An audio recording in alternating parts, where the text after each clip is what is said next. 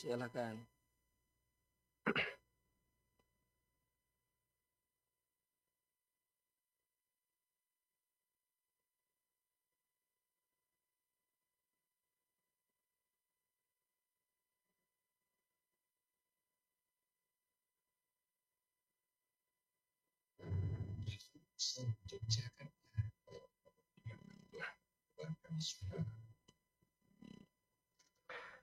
Assalamualaikum warahmatullahi wabarakatuh.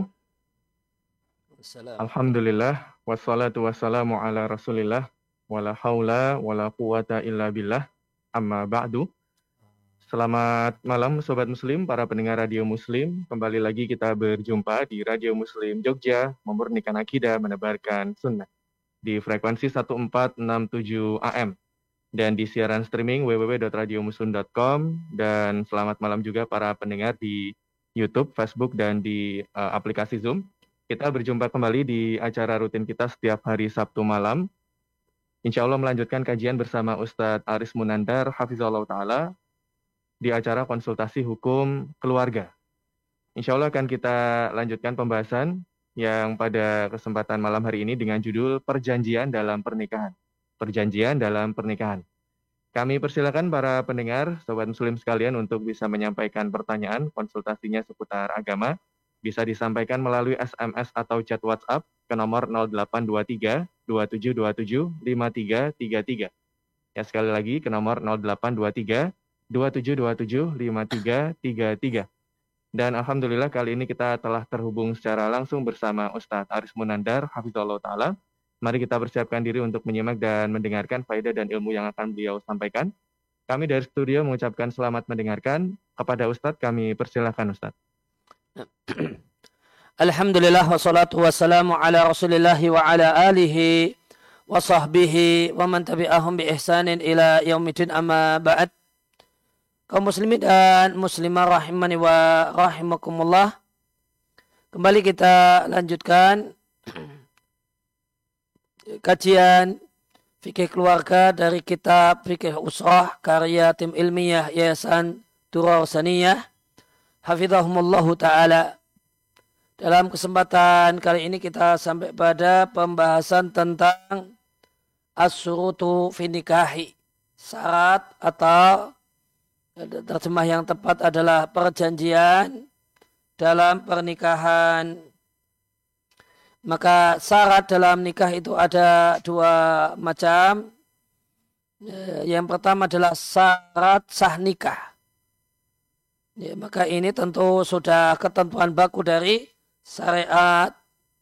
Kemudian yang kedua eh, syarat eh, fin nikah yang terjemahnya dalam bahasa Indonesia adalah perjanjian dalam pernikahan satu perjanjian yang e, memang disepakati bersama atau diajukan oleh salah satu dan disetujui oleh yang lain.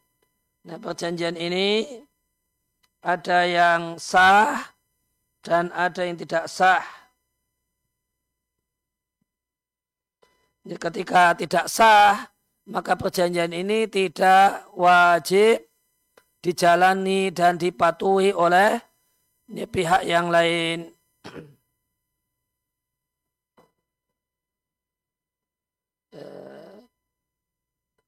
Maka apa yang akan eh, poin pertama yang kita bahas terkait dengan hal ini tentang hukum asal klausul klausul perjanjian dalam berbagai macam transaksi secara umum dan akad nikah secara khusus. Hukum asal klausul atau poin-poin perjanjian dalam pernikahan adalah boleh dan sah. Wajib dipatuhi jika disetujui, wajib dipatuhi ya, oleh para pihak dalam hal ini. Ila maqamat dalilu ala man'ihi. Kecuali jika terdapat dalil yang melarangnya. Dan kaidah ini dianut oleh ya, madhab hambali dan sejumlah ulama salaf. Dan adalah pendapat yang dipilih oleh Ibnu Taimiyah dan Ibnu Al-Qayyim rahimallahu taala dasar dari kaidah ini bahasanya hukum asal klausul perjanjian itu boleh dan sah. Adalah firman Allah Ta'ala Ya ayyalladina amanu awfu bil ukud Wahai orang-orang yang beriman Penulah dan laksanakanlah Perikatan-perikatan yang kalian sepakati. Termasuk di antaranya adalah transaksi Demikian juga uh, berbagai macam klausul perjanjian Demikian juga sabda Nabi Shallallahu Alaihi Wasallam. Demikian juga firman Allah Taala di surat Al Isra ayat yang ke 34. Wa aufu bil ahdi. Penuhilah, patuhilah, laksanakanlah poin-poin perjanjian. Innal ahda kana mas'ula. Sesungguhnya perjanjian itu akan dimintai pertanggungjawaban. Kemudian hadis dari Uqbah ibn Amir radhiallahu anhu Rasulullah sallallahu alaihi wasallam bersabda ahakku suruti antufu bihi? Di klausul perjanjian yang paling wajib untuk kalian laksanakan adalah mastahlal tumbihil furuja. Adalah klausul perjanjian yang menjadi sebab atau yang berkaitan dengan kehalalan kemaluan yaitu klausul perjanjian dalam akad nikah. Dari Abdurrahman ibn Ghanmin, beliau mengatakan, aku hadir uh, di hadir bersama Umar bin Khattab radhiallahu anhu tentang dalam satu kasus yaitu kasus uh, utia fimro'atin ya tentang kasus seorang perempuan, seorang istri. Ya, ja'alalaha zaujuha daroha dan ada perjanjian di antara suami istri ini adalah ya, istrinya itu tidak diajak tinggal keluar dari rumahnya. Ya, ada perjanjian pernikahan dia dinikahi namun istri tetap tinggal di rumahnya. Tidak diajak pergi ke uh, ke tempat yang lain. Nah ini suami setelah nikah suami mau mengajak pergi pindah domisili.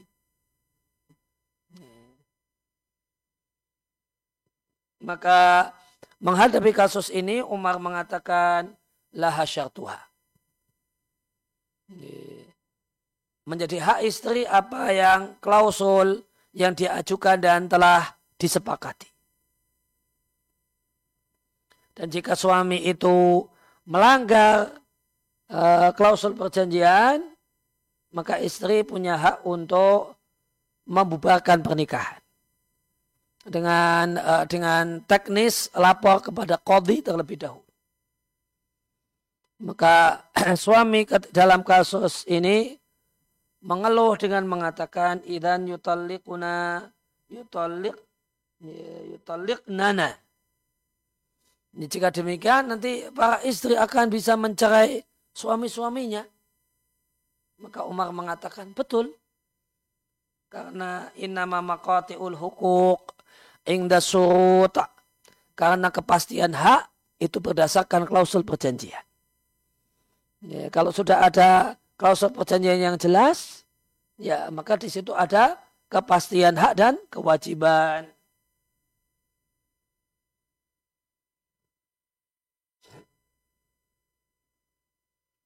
Ya, terkait hal ini, terkait perjanjian dalam pernikahan, Ibnu Qudama Al-Hambali mengatakan kesimpulannya bahwasanya klausul perjanjian dalam pernikahan itu ada tiga macam. Di sini dikutip salah satu macamnya. Yang pertama adalah klausul perjanjian yang wajib dipatuhi. Wajib dipenuhi dan dilaksanakan. Definisinya adalah itulah klausul perjanjian yang manfaat dan faedahnya itu kembali kepada istri. Misalnya, istri mensyaratkan kalau dia tidak diajak domisili keluar dari rumahnya. saya mau dinikahi dengan perjanjian setelah nikah kita tinggal di rumah ini karena saya anak tunggal misalnya. Jadi saya ingin uh, membersamai orang tua saya, merawat orang tua saya uh, dalam sepuhnya dan menjadi anak yang berbakti. Atau dia punya klausul perjanjian tidak dianggap tidak diajak keluar uh, tidak diajak keluar rumah min baladia dari negerinya. Misalnya dia wanita Jogja minta saya mau dinikahi syaratnya uh, tidak diajak domisili di luar Jogja. Selama muter-muter di Jogja tidak apa-apa di Gunung Kidul, di, di dekat lereng Merapi asalkan bagian dari Jogja bukan bagian yang Boyolali atau Kamagelang nah, atau kemudian di uh, perbukitan Menoreh di Kulon Progo sana tidak apa-apa. Tapi yang penting uh, hanya tinggal, uh, diajak tinggal dan domisili di Jogja. Atau uh, la yusafiru biha, dia tidak mau diajak safar, bepergian. Atau ada perjanjian dia mengajukan perjanjian la uh, la yatazawwaja alaiha, tidak dipoligami. Maka semacam ini kata Ibnu Qudamah, fahada yalzamu al-wafa'u. Maka wajib bagi suami melaksanakan klausul ini untuk kepentingan istrinya. Gimana seandainya suami nekat, ada klausul perjanjian tidak di poligami, namun tiba-tiba suaminya sudah nikah lagi. Maka fa'ilam yaf'al falaha faskhun nikahi. Maka seandainya suami tidak mematuhi klausul perjanjian yang telah disepakati, maka pihak perempuan itu boleh memfasakh pernikahan. Fasakh itu uh, lapor kepada kodi, melaporkan ini ada perjanjian, kemudian dia melanggar, saya nggak terima. Saya ingin rumah tangga ini bubar, maka kemudian kodi bahasa kita ketok palu, rumah tangga kalian bubar.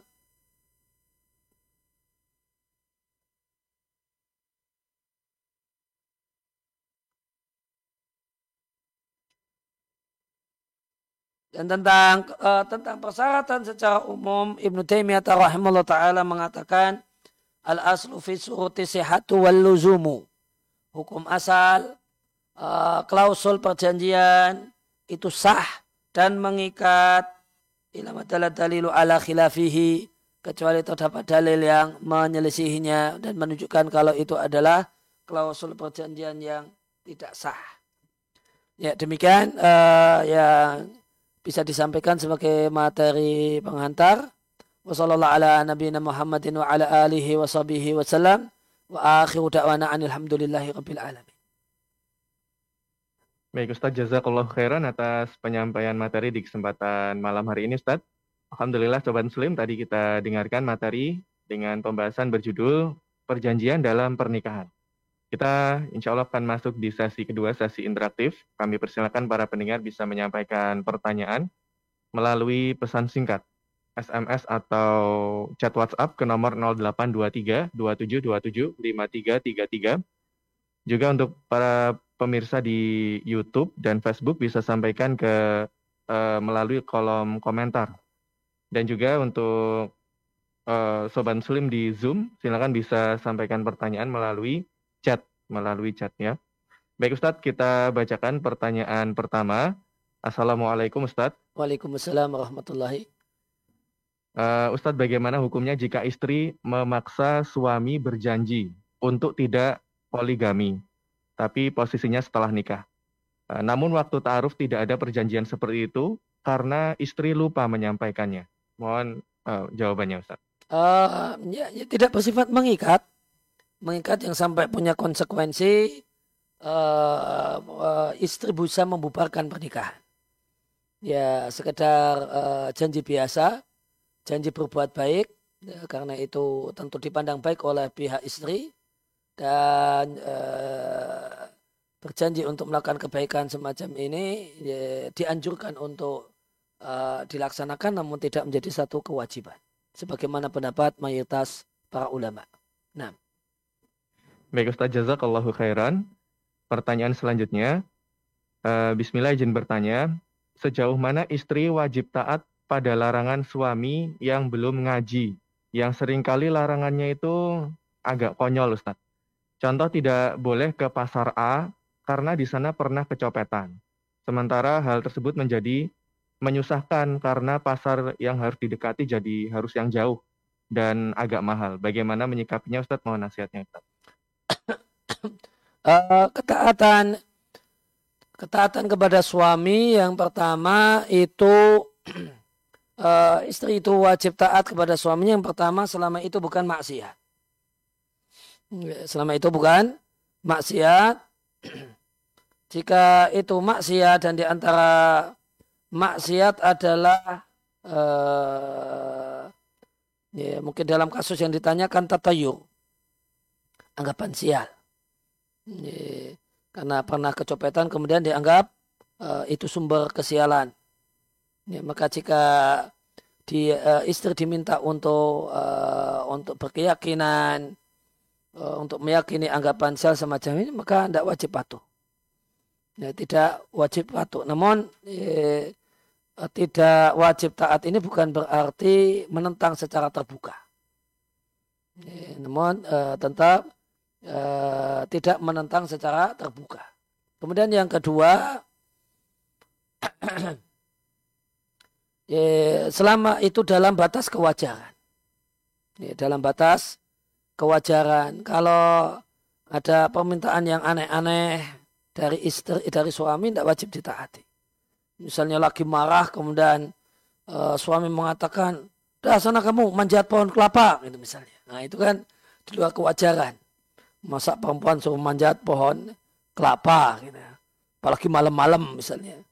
Itu tidak wajib taat. Kemudian yang ketiga dalam batas uh, kemampuan istri Jadi, kalau istri itu tidak mampu uh, misalnya cuci manual karena dia tipe uh, perempuan yang jika bersentuhan dengan air agak lama itu masuk angin.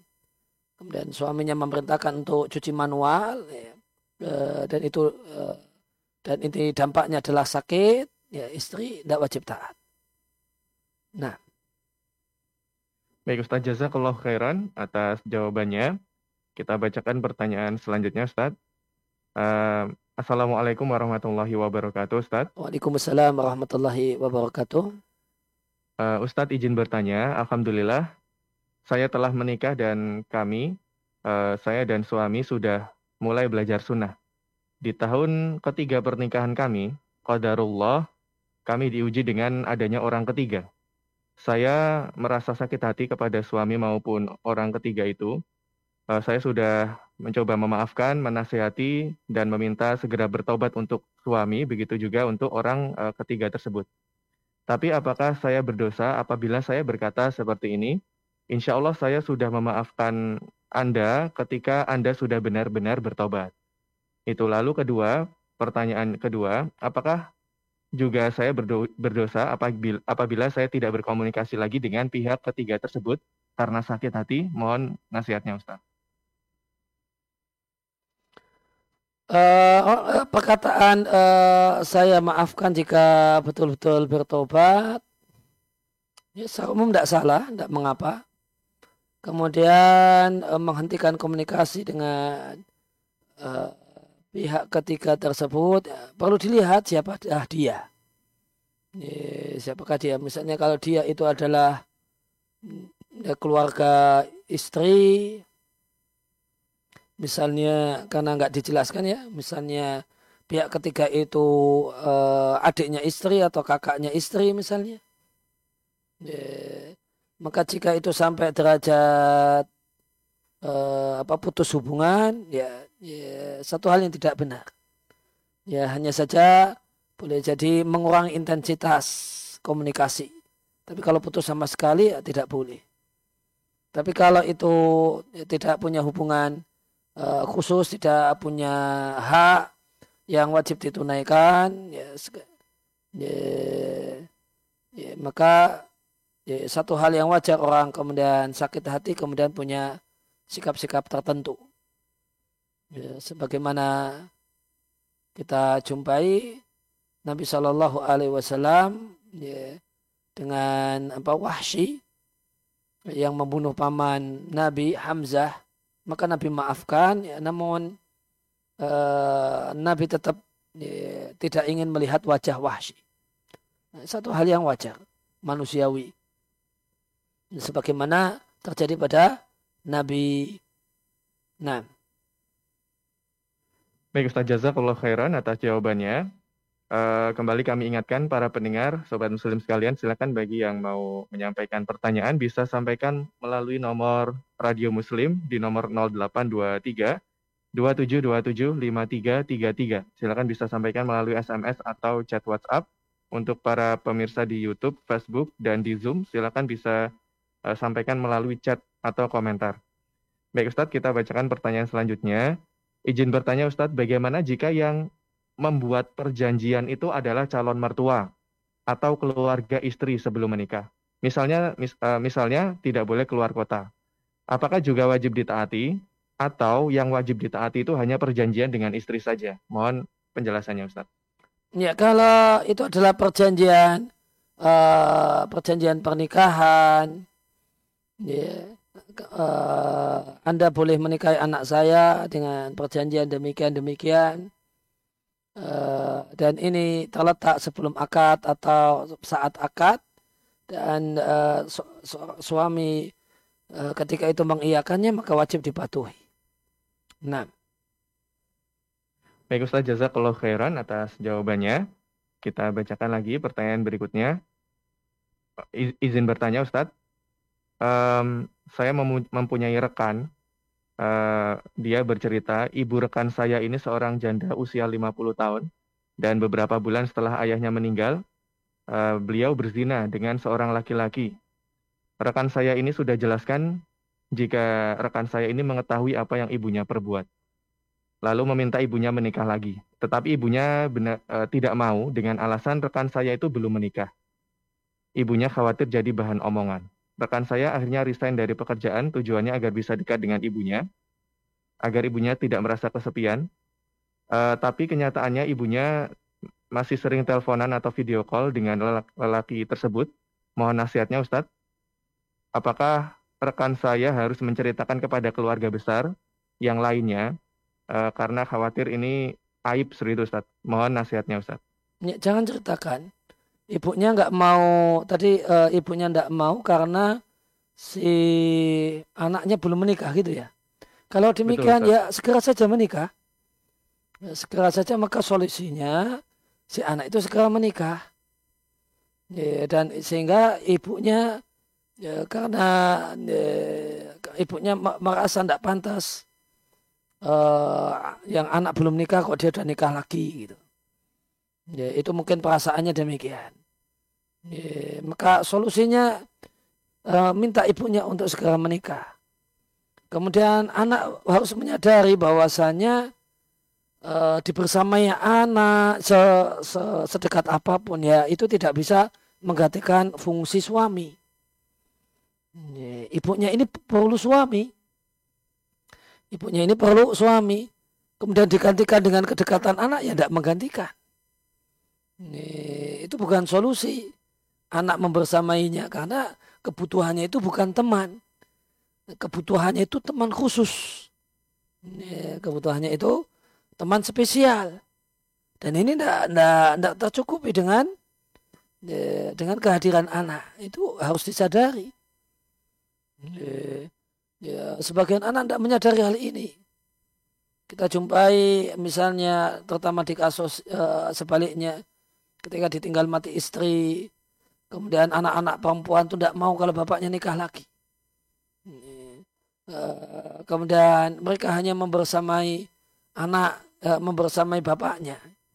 Maka ini satu hal yang sebenarnya kalau diperhatikan cara berpikir yang konyol. karena misalnya kebutuhan dalam hal ini kebutuhan ayah itu kebutuhan istri. Nah anak itu meskipun kumpul semua ya tetap tidak bisa menggantikan fungsi uh, normalnya istri. Sehingga benar apa yang uh, benar yang apa yang disampaikan oleh penanya memintanya untuk menikah dan uh, meskipun dibersamai kemudian masih video call dengan lelaki tersebut ini menunjukkan kalau itu memang ada kebutuhan mendesak untuk itu. Jadi sedangkan permintaan ibu adalah tidak mau menikah sampai anaknya menikah. Sehingga solusi yang tepat itu bukan resign. Solusi yang tepat bukan resign, namun solusi yang tepat anak ini segera menikah sehingga ibunya merasa nyaman kalau dia nikah lagi setelah anak laki-lakinya menikah. Nah. Baik Ustaz Jazakallah khairan atas eh, nasihat dan jawabannya. Kita bacakan lagi pertanyaan berikutnya Ustaz. Ahsanallahu ilaikum Ustaz. Wa ilaikum. Uh, saya sudah dua kali ditawari, diajak ditawari ta'aruf uh, dengan dua orang akhwat oleh perantara. Yang satu dari keluarga menengah dan yang satu lagi seorang perawat yang keduanya sudah mengaji. Sedangkan saya sendiri seorang honorer yang gajinya di bawah UMR di salah satu kota. Bagaimana hal tersebut Ustadz? Apakah lebih baik saya teruskan ta'aruf yang saat ini memang belum sampai tahap uh, komunikasi atau lebih baik saya sadar diri dengan keadaan? Mohon nasihatnya Ustadz. Uh, saya sarankan untuk uh, menyampaikan apa adanya kepada pihak perempuan dan uh, gaji saya sekian. Uh, ini demikian kondisi saya sebenarnya ingin nikah, penghasilan saya masih pas-pasan. Ya, apakah kemudian jika kemudian pihak perempuan dan keluarganya tidak masalah dengan keadaan tersebut, maka itu nikmat Allah Subhanahu wa taala. Ya, syukuri nikmat tersebut dengan uh, dengan menikah dan uh, ya, dan uh, namun tetap jaga kemuliaan dengan mengatakan ya uh, penghasilan saya memang pas-pasan namun ya, wahai istriku ya, kalau makan pakai duitku ya, kalau makan pakai duitku aku yang memiliki kewajiban untuk memenuhi kebutuhan kebutuhan makanmu. Ya, sehingga tetap uh, tetap bisa pede di depan istri. Ya, namun jika istri mau bantu ya terserah, monggo. Bisa tidak ini nyuruh-nyuruh. Ya, namun eh, karena saya sebagai laki-laki yang bertanggung jawab, ya, saya ini. Terus yang kedua, jadi yang kedua tadi kemudian kerja swasta honorer, ya, maka dan itu dirasa belum cukup maka eh, tingkatkan skill kemudian eh, cari kegiatan tambahan sehingga yang eh, kurang dari UMR itu bisa dengan tambahan yang ada bisa setara UMR atau bahkan lebih. Nah. Baik Ustaz Jazakallah khairan atas jawabannya. Kita lanjut pertanyaan selanjutnya Ustaz. Izin bertanya Ustaz, jika ada suami suami istri ketika bertengkar, suaminya uh, sering mengatakan uh, ya udah cerai saja atau kamu ajukan nggak apa-apa gitu uh, kepada istri ketika bertengkar dan itu didengar oleh anak-anaknya yang remaja. Kemudian besoknya akur lagi dan melakukan uh, dan melakukan hubungan suami istri sebagai cara memohon maaf dan itu sering berulang-ulang Ustadz. Bagaimana hukum hukumnya Ustadz? Uh, tolong diulangi redaksinya, saya mau komentari um, suami sering bicara kalau marahan sama istri, ya udah cerai saja. Ya, atau ya, kamu... ya sudah, ya udah cerai saja. Ya, ya. sudah cerai saja di sini uh, yang saya yang bisa disimpulkan tawaran cerai. Ya, tawarannya sudah cerai saja atau ya sudah bagaimana kalau cerai saja. Ya, maka tawaran ya ini tidak uh, tidak berstatus kalimat cerai Kalimat cerai itu kalimat tegas. Kamu saya cerai. Kalau tawaran cerai ya tinggal respon yang diberi tawaran. Ya saya ingin cerai. Setelah itu baru keluar kalimat putusan. Ya, kalau kamu pengen cerai ya sudah. Ya, ya sudah. Ya, detik ini saya ceraikan kamu. Nah, gitu. Ya, kemudian kalimat yang kedua tadi. Um, baik. Benar, Ustaz. Oh, untuk itu sudah uh, kemudian besoknya akur lagi nah, dan udah ada kalimat kedua tadi antum. Oh, atau atau kamu saja yang mengajukan nggak apa-apa gitu. Ya, kamu saja yang mengajukan nggak apa-apa itu tawaran untuk cerai juga. Uh, memberikan tawaran kepada istri untuk mengajukan gugat cerai di pengadilan agama. Ini bukan cerai. Ini tawaran cerai. Nah. Baik Ustaz, jazakallahu khairan atas jawaban dan penjelasannya. Kita bacakan lagi pertanyaan selanjutnya. Eh, dan mungkin sebelumnya eh, kami ingatkan lagi bagi para pendengar, silakan bagi yang mau menyampaikan pertanyaan bisa sampaikan ke nomor 0823 2727 5333. Pertanyaan selanjutnya Ustadz. Assalamualaikum Ustadz.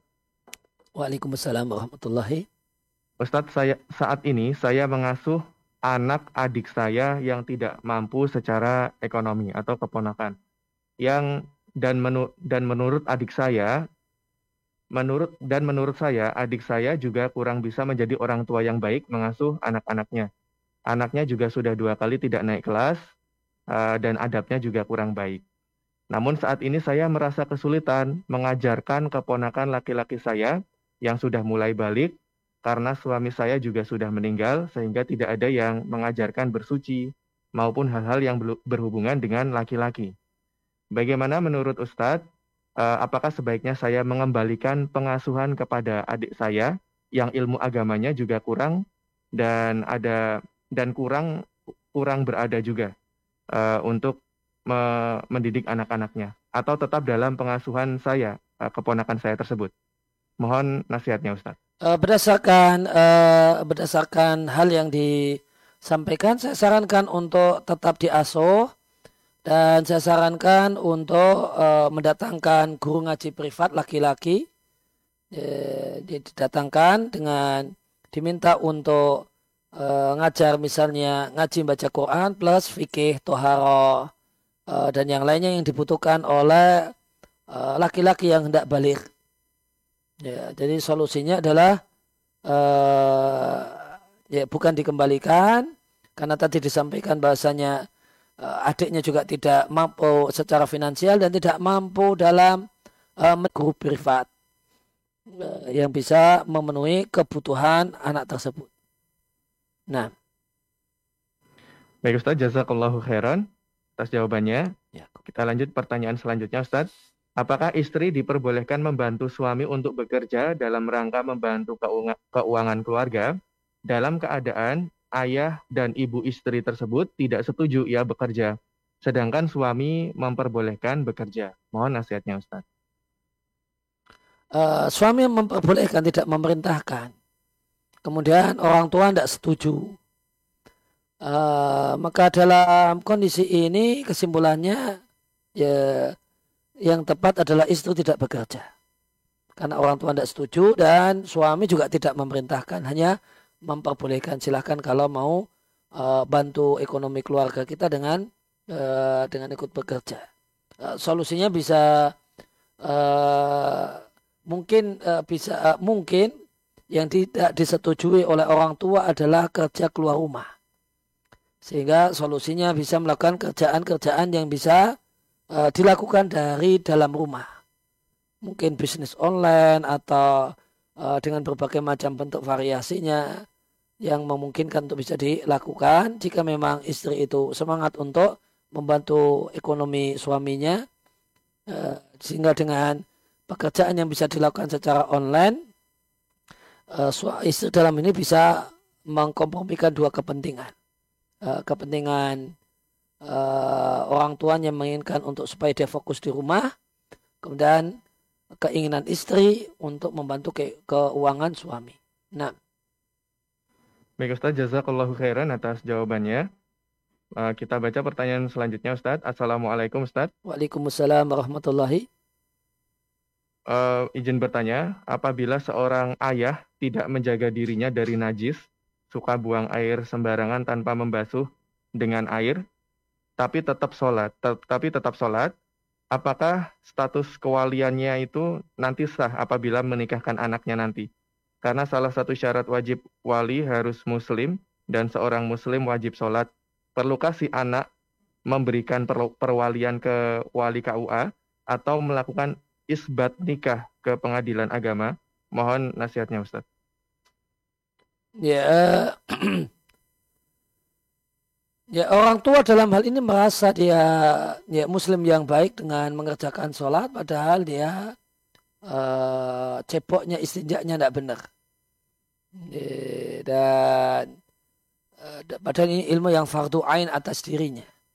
Karena ilmu tentang tohara, istinja, sholat adalah ilmu dan pengetahuan yang hukumnya adalah fardu ain. Ya, jika jadi sehingga dan ketidaktahuannya dalam masalah ini itu satu hal yang sebenarnya tidak bisa ditolerir. Karena ya, ayat dalam hal ini wajib belajar toharoh yang benar. Ya, maka saya sarankan anak untuk coba memberikan masukan pada orang tuanya, ngomong dari hati ke hati tentang uh, pentingnya istinja yang benar, dan cebok yang benar, ya, pentingnya membersihkan diri dari najis.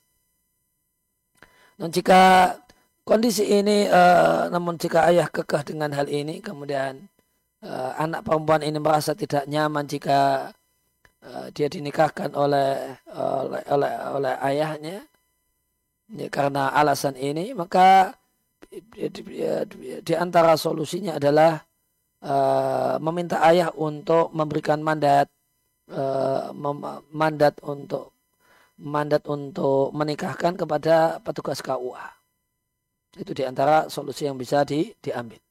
Nah. Ya, jazakallah khairan Ustaz atas nasihatnya. Kita bacakan lagi pertanyaan selanjutnya. Mohon nasihatnya Ustadz. Saya seorang per perempuan lajang yang sedang merantau bekerja di luar kota untuk memenuhi kebutuhan saya. Sedangkan tahun ini adik saya ingin berkuliah sehingga harus merantau meninggalkan rumah dan meninggalkan orang tua. Apakah saya lebih baik meninggalkan pekerjaan saya dan memilih pulang menemani orang tua di rumah Ustadz? Manakah yang lebih baik? Mohon nasihatnya Ustadz.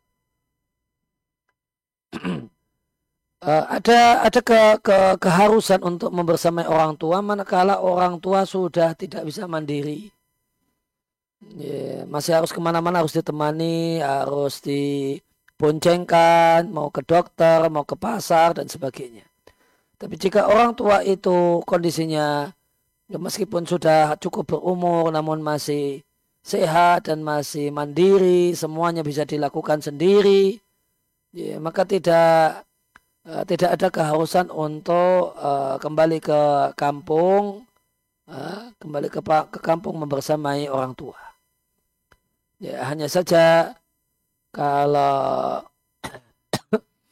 kalau alasannya karena karena ini adalah perempuan di luar kota, posisinya merantau tanpa mahram, ya tanpa suami, maka jika karena pertimbangan semestinya di tempat rantauan itu uh, ada mahram laki-laki yang membersamai atau ada suami kemudian pulang ke kampung karena alasan supaya lebih syar'i dari sisi ya, dari sisi ini maka uh, kembali ke kampung satu hal yang baik jika karena alasan ini. Nah. Baik Ustaz kalau khairan atas jawabannya. Kita bacakan kali ini dari pendengar di Zoom. Ahsanallahu ilaikum Ustaz. Ilaikum. Apakah benar kalau anak perempuan ketika akikah itu tidak dipotong rambutnya? Mohon penjelasannya Ustaz. Ulama berselisih pendapat untuk bayi perempuan apakah di uh, gundul seperti bayi laki-laki ataukah tidak. Ya, memang ada dua pendapat ulama dalam masalah ini dan pendapat yang tepat uh, rambut bayi perempuan itu belum zina. Belum berstatus sebagai zina yang harus dipertahankan. Zina itu artinya perhiasan dan uh, hal yang mewujudkan kecantikan. Bahkan Nabi katakan bahwasanya bayi uh, rambut bayi uh, rambut yang dibawa oleh bayi dari perut ibunya itu Nabi sebut dengan al-adha, kotoran yang harus dibersihkan. Oleh karena itu yang tepat meskipun bayi itu adalah bayi perempuan ya, tetap di uh, gundul di, di hari ketujuhnya. Nah.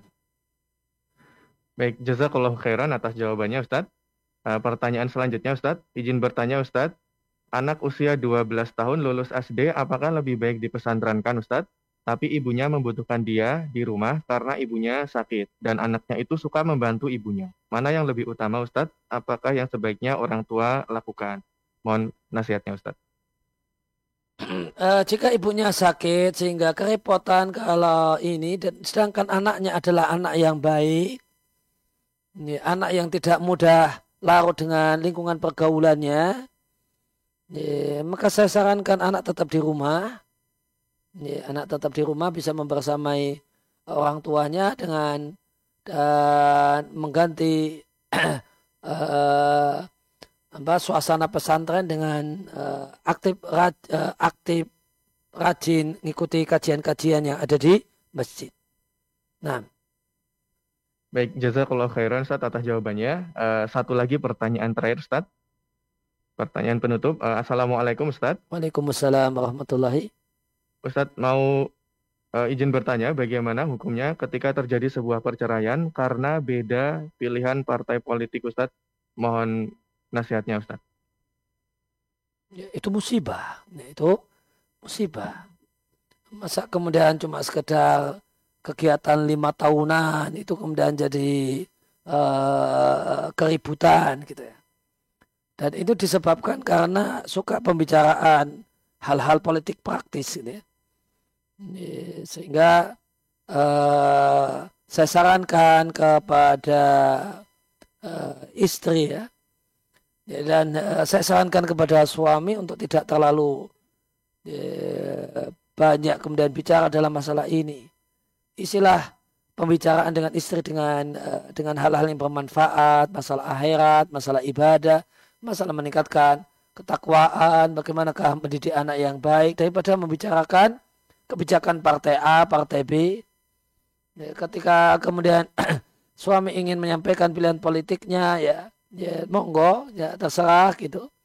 Dan saya sarankan untuk istri untuk banyak diam, tidak kemudian apa ekspresif dan apa responsif dengan uh, dengan pernyataan-pernyataan suami ya, dan ketika istri punya uh, punya pilihan politik yang berbeda ya tidak perlu harus di harus uh, menampakkan diri kalau beda dengan suaminya. Ya, ya, karena itu kan dilakukan di bilik suara ya maka istri silakan nyoblos partai mana yang dia inginkan ya, tanpa harus banyak berbicara uh, masalah ini di hadapan suaminya. Yang jelas uh, pembicaraan ini hanya hanya akan menimbulkan keributan dan keributan. Ya demikian yang bisa saran yang bisa saya sampaikan. Wassalamualaikum ala nabiyina Muhammadin wa ala. Sebelum akhiri, terima kasih atas kehadiran Bapak dan Ibu sekalian di kelas virtual ini. Semoga kehadiran Bapak dan Ibu sekalian Allah catat sebagai amal ibadah, amal soleh, tolabul ilmi uh, yang bernilai pahala dan memperberat timbangan kebajikan Bapak dan Ibu sekalian di sisi Allah Subhanahu wa taala di hari tidaklah bermanfaat harta dan anak kecuali orang yang menghadap Allah dengan hati yang bersih dan amal soleh. Kemudian kami ucapkan terima kasih kepada Kur Radio Muslim Yogyakarta, Haku TV dan eh, media-media uh, yang lainnya yang turut uh, menyebarluaskan uh, acara bermanfaat ini. Jazakumullah khairan. Ya, semoga Allah balas dengan yang lebih baik di dunia dan di akhirat. Demikian. Uh, Wassalamualaikum ala nabiyina Muhammadin wa ala alihi wa sahbihi wasallam. Nah. Ya, jazakallah khairan Ustaz atas ilmu yang telah disampaikan di kesempatan malam hari ini. Semoga Allah senantiasa menjaga dan memberkahi Ustaz dan keluarga. Alhamdulillah Sobat Muslim, kita